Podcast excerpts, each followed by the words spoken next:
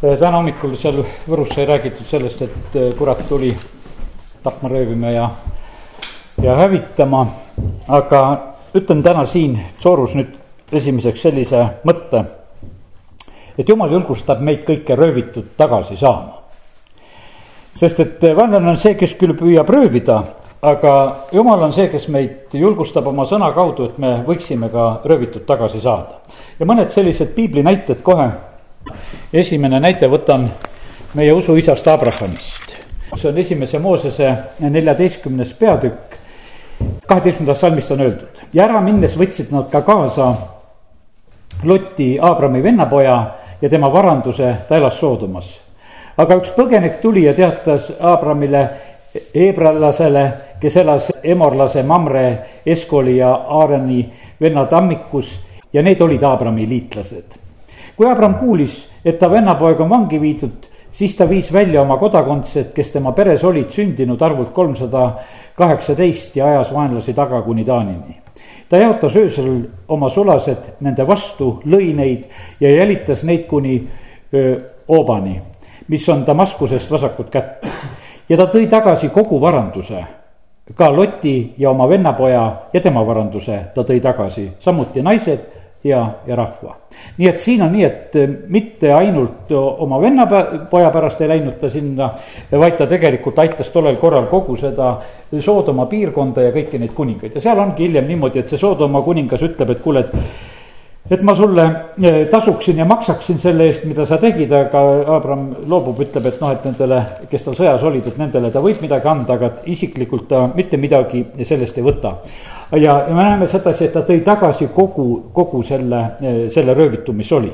teine lugu kohe, mida tuletan meelde, on see, kui eh, Taavet on seal Siklagis ja kui nad vahepeal käivad ise ära, siis juhtub see, et see on esimese Samuli kolmekümnendas peatükis, kui ta tuleb koos oma meestega tagasi ja, ja vaenlane on vahepeal teinud nende laagripaiga täiesti tühjaks. kui Taavet ja tema mehed jõudsid kolmandal päeval Siklaagi, olid Amalekid tunginud kallale lõunamaale ja Siklaagile ja nad olid Siklaagi vallutanud ja tulega ära põletanud. ja, ja siis viidi noh, ütleme kõik ka naised ja, ja lapsed ja kõik, kes seal olid, viidi vangi ja kogu varandusega eh, oli siis ühesõnaga see paik puhtaks tehtud ja siis on niimoodi, et Taavetil on väga kitsas käes, kuues salm. sest rahvas lubas tema kividega surnuks visata, sellepärast et kogu rahvas oli hinges kibestanud, igaüks oma poegade ja tütarde pärast. aga Taavet kinnitas ennast issandas oma jumalas. ja, ja Taavet ütles preester Ebatarile äh,, Ahimeleki pojale, too mulle ometi õlarüü. ja Ebatar tõi Taavetile õlarüü ja Taavet küsis issandalt, öeldes, kas ma pean seda röövjõuku taga ajama kas ma saan nad kätte? issand vastas talle, aja taga, sest sa saad nad tõesti kätte ja sa päästad kindlasti vangid. ja, ja siis ongi niimoodi, et eh, Taavet selle kõik ka teeb.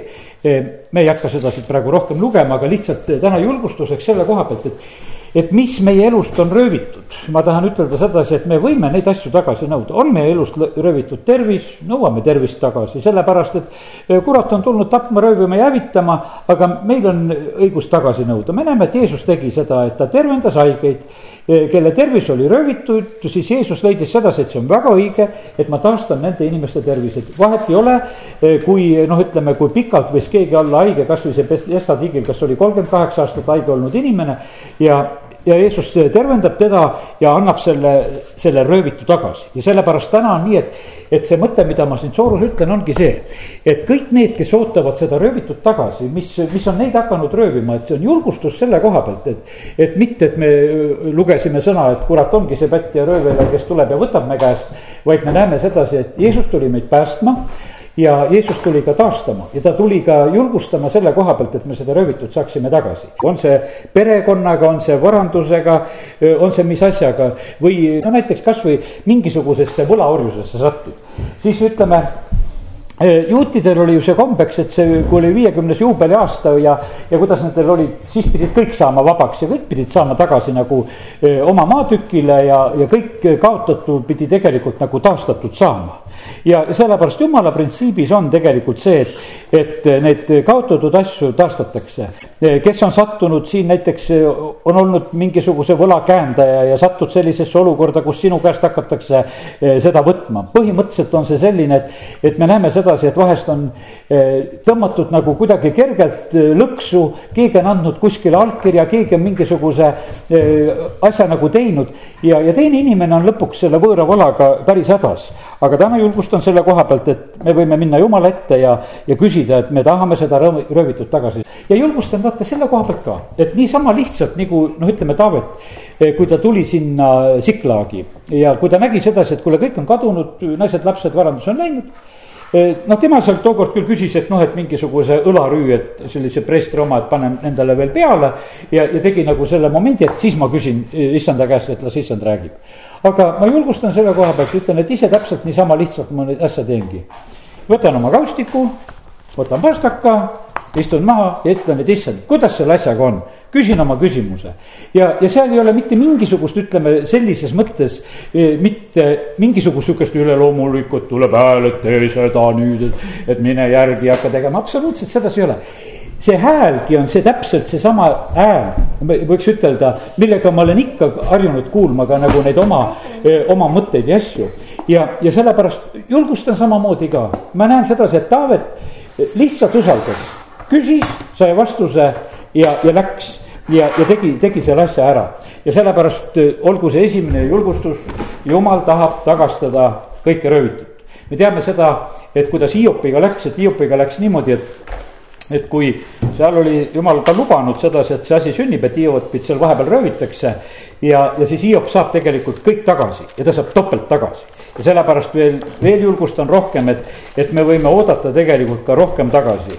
mitte ainult, mis oli, vaid siin Hiopi näitest võime võtta ka selle, et Hiopi nelikümmend kaks, kaksteist on öeldud ja issand õnnistas Hiopi viimast põlve enam kui ta esimest. ja tal oli neliteist tuhat lammast ja kitse, kuus tuhat kaamelit ja tuhat paari järgi ja tuhat emaeeslit.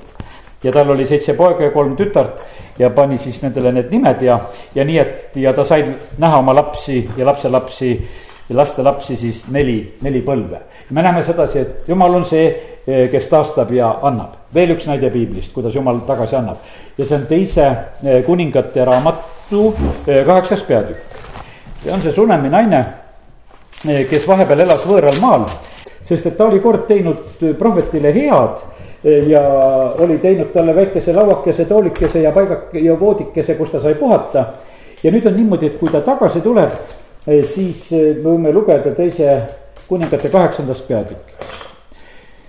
ja Elisa rääkis naisega, kelle poja ta oli teinud elavaks ja ütles, võta kätte, mine ja sina ja su pere ja ela võõrana, kus saad, sest issand kutsub nälja ja see tuleb ka sellele maale seitsmeks aastaks ja vaata, see lihtsalt juhin tähelepanu, et see võõrasele minek ei olnud mitte sellel naisel niivõrd oma pead, vaid et see oli lausa jumala mehe ja jumala julgustus, et praegusel hetkel läheb asi kehvaks siin, et mine ära. ja naine võttis kätte ja tegi jumala mehe sõna järgi ja läks koos oma perega ning elas võõrana Vilistide maal seitse aastat. aga seitsme aasta pärast tuli naine Vilistide maalt tagasi ja läks paluma kuningalt abi oma koja ja põllu pärast. et, et neid asju tagasi jälle saada kuningas rääkis parajasti Kehasiga, jumalamehe teenriga ja ütles, jutusta mulle kõigest neist suurtest tegudest, mis Elisa on teinud. Elisa oli tegelikult selline prohvet, kes tegi Eeliast topelt rohkem imetegust. siis ta palus endale seda kahekordset võitmist ja, ja põhimõtteliselt ta sai ka ja pastor Dmitri ikka juhib tähelepanu, et et, et viimane topeltimetegu oli see, eh, kui Elisa eh, luud äratasid veel ühe surnu ülesse, kui see visati, sest üks imetegu oli puudu. ja siis oli niimoodi, et ühe imeteo tegi Elisa veel surnuna ka, kui ta luud olid hauas. et, et kõik topeltports saaks tehtud. nüüd on nii, et, et aga nüüd tulen selle loo juurde tagasi ja kui ta siis parajasti kuningale jutustas, eh, kuidas Elisa oli surnu ellu äratanud, siis, siis ta nägi seda naist siis hüüdis naine, kelle pojad oli ellu äratanud kuninga poole oma koja ja põllu pärast. Ja Keehas ütles, mu isand kuningas, see on too naine ja see on tema poeg, kelle Elisa ellu äratas. Ja nüüd on niimoodi, et Keehas jutustab kuningale Elisa imetegusid. ja nüüd on niimoodi, et see imetegu võiks ütelda kõnnib kohale, see surnust äratatud poiss tuleb ka sinna. Ja, ja nüüd Kehasil on kuule, et no näed, kuningas, et näed, et, et see, kellest ma räägin, et need on praegusel hetkel ka siia tulnud ja kuningas küsis siis naiselt eh, ning toiutustas temale. ja siis andis kuningas naisele kaasa ühe hoovkondlase ja ütles, muretse tagasi kõik, mis tema oma ja kogu põllusaak maalt lahkumise päevast kuni tänaseni. ja sellepärast on see niimoodi, et me näeme sedasi, et vaata, kui sa oled jumala hoolitsuse all, siis anti talle veel seitsme aasta saak. Need vahepealsed aastad, mis ta oli ära olnud, öeldi, et sa pead selle saagi ka tagasi saama. Täna ma räägin röövitu tagasisaamisest, kui me ajame jumalaga asju ja siis jumal teeb oma mõõtudes ja oma lahendus, lahendustega asju. ja, ja sellepärast kiitus Jumalale, tänasime siin koos õega täna siin seda tänusoovi, et palvetasime ta korteri üürimise pärast ja ta on viiekümne protsendiga saanud selle soodustuse endale ja, ja sellepärast no nii see ongi, et jumal kuuleb palveid, jumal teeb imesid ja, ja niimoodi me võime olla rõõmsad lihtsalt issanda ees. Nii et röövitu võib täiesti tagasi saada, me võime olla äh, julged selles aga nüüd tulen nagu selle ühe pastor Šapovalovi hiljutise jutluse juurde, kus ta rääkis, et eh, ilma peata olemisest ja ma usun sedasi, ta ütles, et ta vaatas ringi ka seal, et keegi ilma peata nagu ei ole ja te olete siin ka, igalühel on pea otsas. ja, ja vaata, väga oluline koht on tegelikult ongi see, et, et, eh, et meie mõttemaailmas toimuksid need õiged asjad. on vahest selline ütlemine, inimesed ütlevad, et ka, et jäid kui ilma peata või noh, kui ei osanud mitte kui midagi teha, siis inimene ütleb sedasi, et, et olen, olen kui ilma peata. ja sest ei ole mingisugust äh, lahendustega asja. aga täna, kallid, tahan ütelda sedasi, et meie ei pea olema ilma peata selles mõttes. meil on see nõnda, et meie võime äh, oodata seda, et et äh, jumala käest tuleb meile tarkust ülevalt, sellist tarkust, mida meie nagu kuskilt mujalt ei saa.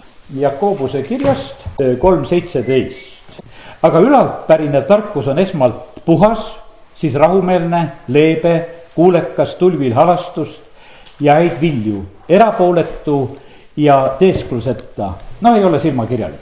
ja sellepärast vaata nüüd äh, Jakobus ei varja, et äh, seda tarkust on mitmesugust, on inimeste tarkus ja on teemantliku tarkus ja on seda tarkust, mis tuleb, eh, mis tuleb jumala käest. ja, ja sellepärast ma lihtsalt juhin tähelepanu sellele, et, et jumala käest tarkus, mis tuleb, tarkus on meile kõige tähtsam ja, ja, ja kõige olulisem, mida meie eh, oma, omada siis võime röövida saab, nagu nimetan veel seda, see oli pastor Šapovalovi mõte ka just, et, et röövida saab sellelt, kellel midagi on ja, ja sellepärast eh, tervist saab röövida sellelt, eh, kellel tervis on, eh, kellel on ilus abielu, seda saab lõhkuda, kellel on varandust, seda saab röövida. ja teate, mis asja on veel, kellel on usku sellelt saab usku ka röövida, sellepärast et vaata, kui sul usku ei ole, siis sinu käest usku röövida ei saa. aga kui sul on usku jumalasse, siis kurat tahaks eh, seda sinu käest röövida. ja, ja kuidas ta seda teha saab, ta saab seda teha nii, et ta tuleb tegelikult sinu eh, mõistusesse panema neid asju, mis hakkaksid su usku röövima. ja, ja sellepärast täna eh, lihtsalt hoiatan selle koha pealt, et, et me ei tohi lasta ennast röövida.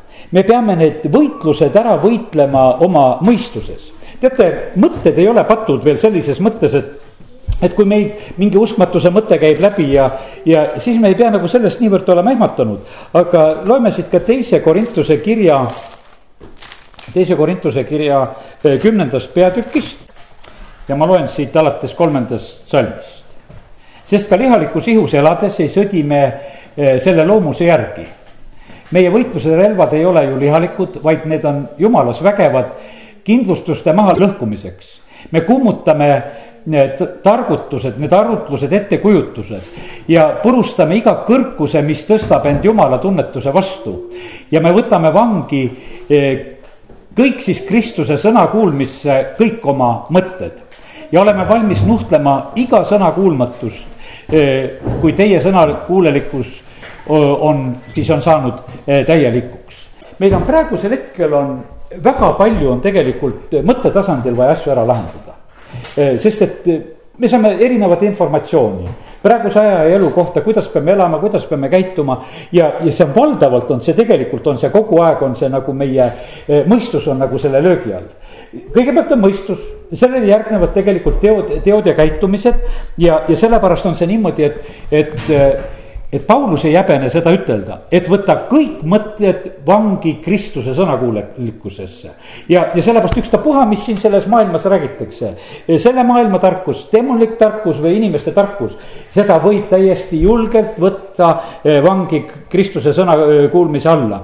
ja, ja kõik mõtted võib lasta sellest filtrist läbi kõikide nende igasuguste erinevate asjadega on täiesti õige minna, minna jumala ette ja küsida, et Jeesus, ütle sina mulle, kuidas on asjad. ja, ja siis ma usun sedasi, et kui sa oled nii siiralt jumala ees, sa saad õigeid vastuseid, õigeid lahendusi. kahjuks ma usun sedasi, et väga sageli me jumala lastena samamoodi seda ei tee.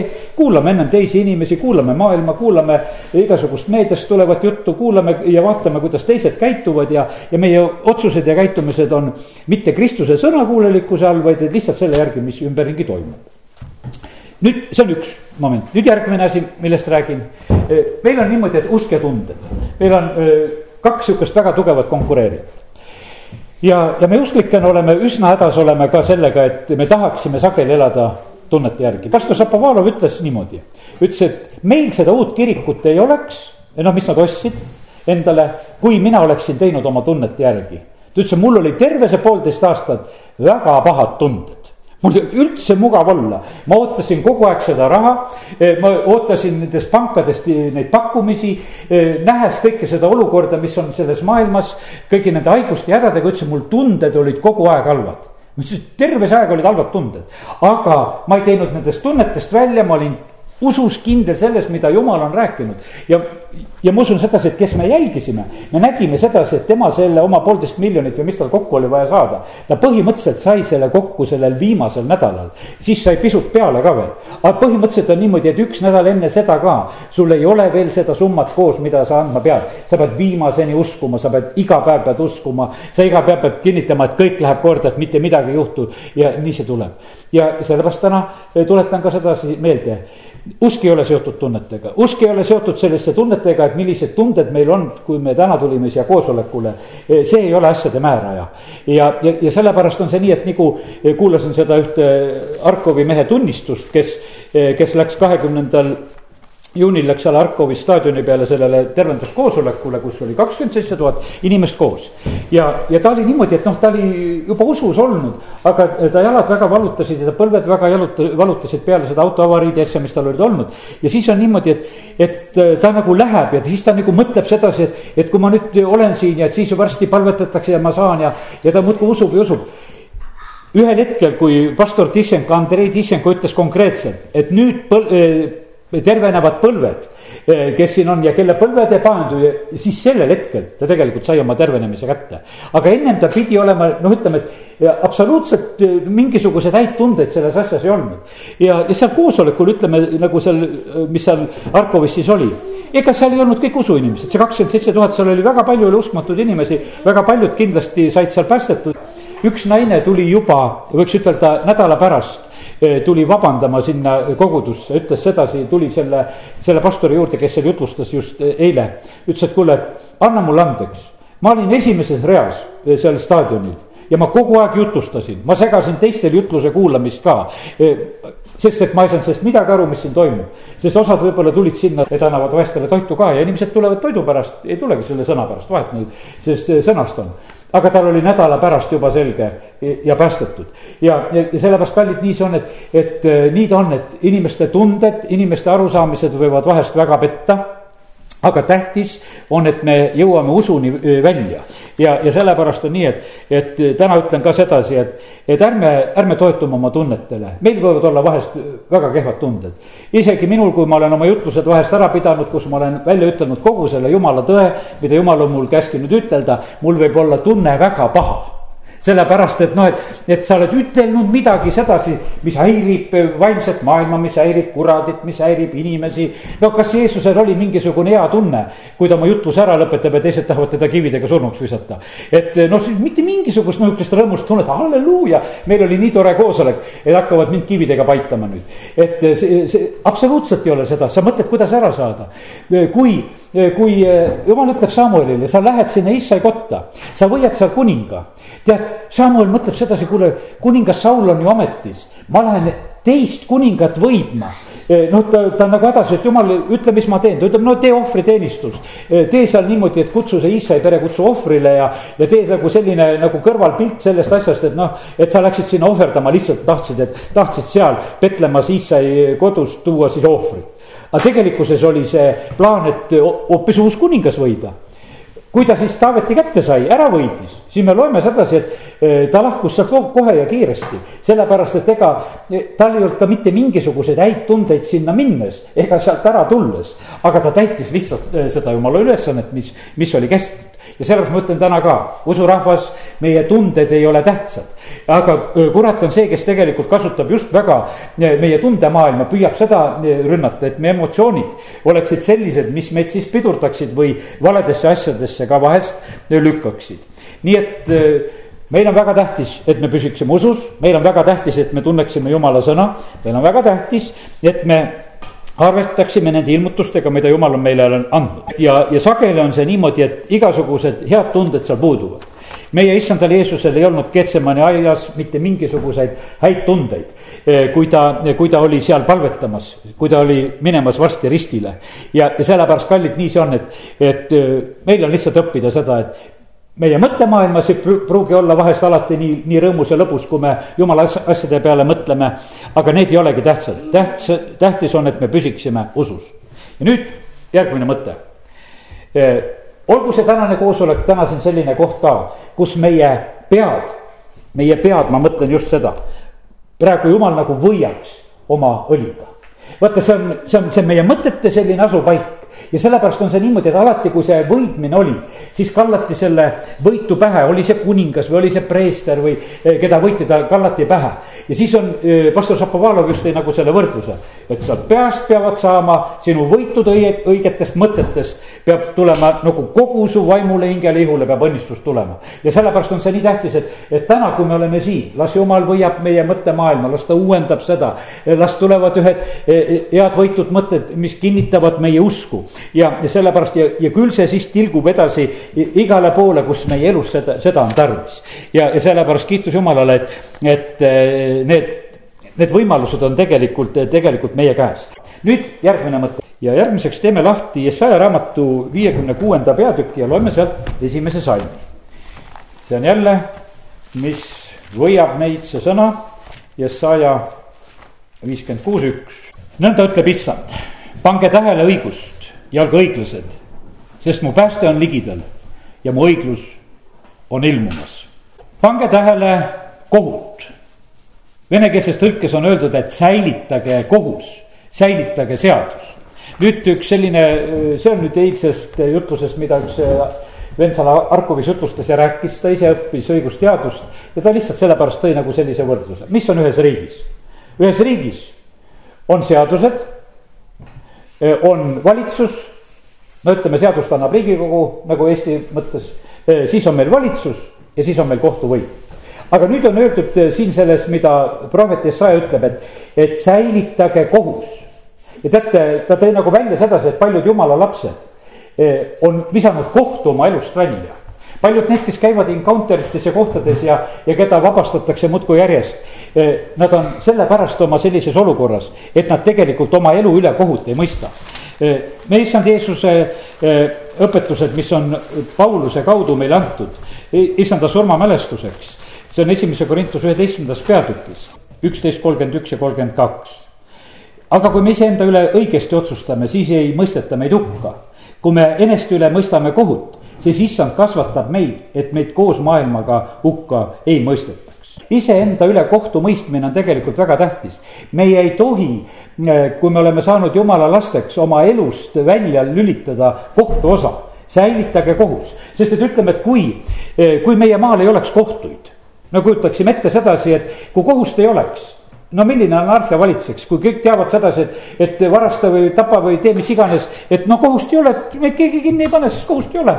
no vanglaid ei ole, kohust ei ole, lihtsalt, et see puudub. aga me näeme sedasi, et jumala sõna ütleb väga selgelt meile siin selle koha pealt, et säilitage.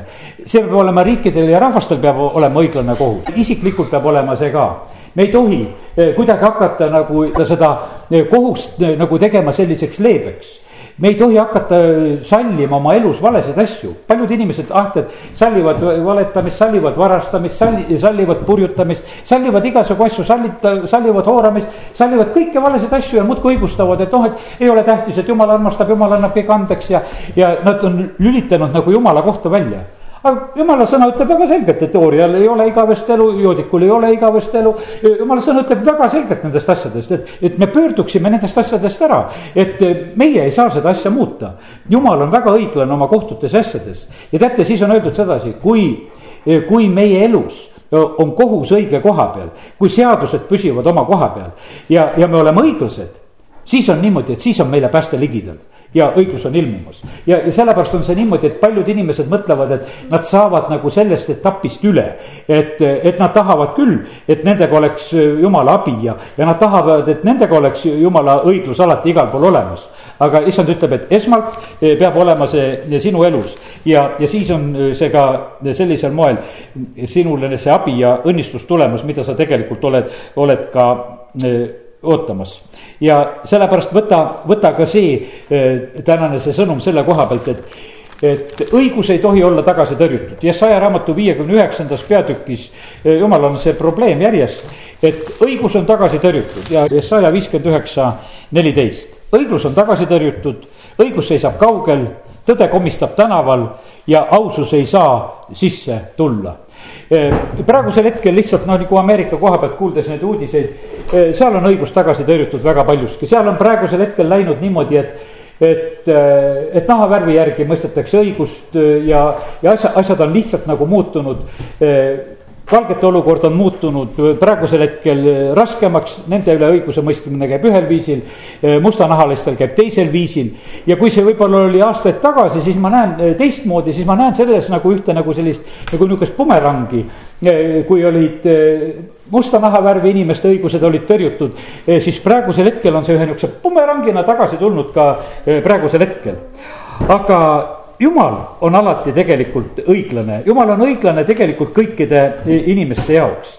jumalas ei ole mitte mingisugust sellist, kuidas ütelda, eh, erapoolikust, ta ei suhtu erinevalt mitte kunagi erinevatesse inimestesse. loeme veel Hiopi raamatu kolmekümne teisest peatükist. Hiopi raamatu kolmkümmend kaks, kakskümmend üks ja, ja kakskümmend kaks. ma ei taha nüüd olla erapoolik, et kedagi meelitada sest ma ei või meelitada, kui kergesti võiks mu looja mind siis ära võtta. ja sellepärast on see niimoodi, et Jeesus tuli ka siia sellesse maailma, ta tuli täis armu ja tõde. ta, eh, ta ei meelitanud mitte kui kedagi ta ei, ja ta ei olnud ka kellegi koha pealt leebem kuidagi, kuidas pidi olema, ta oli, alati oli õiglane. ja sellepärast, kallid, jumal ei vääna õigust, jumal on väga püha ja õiglane.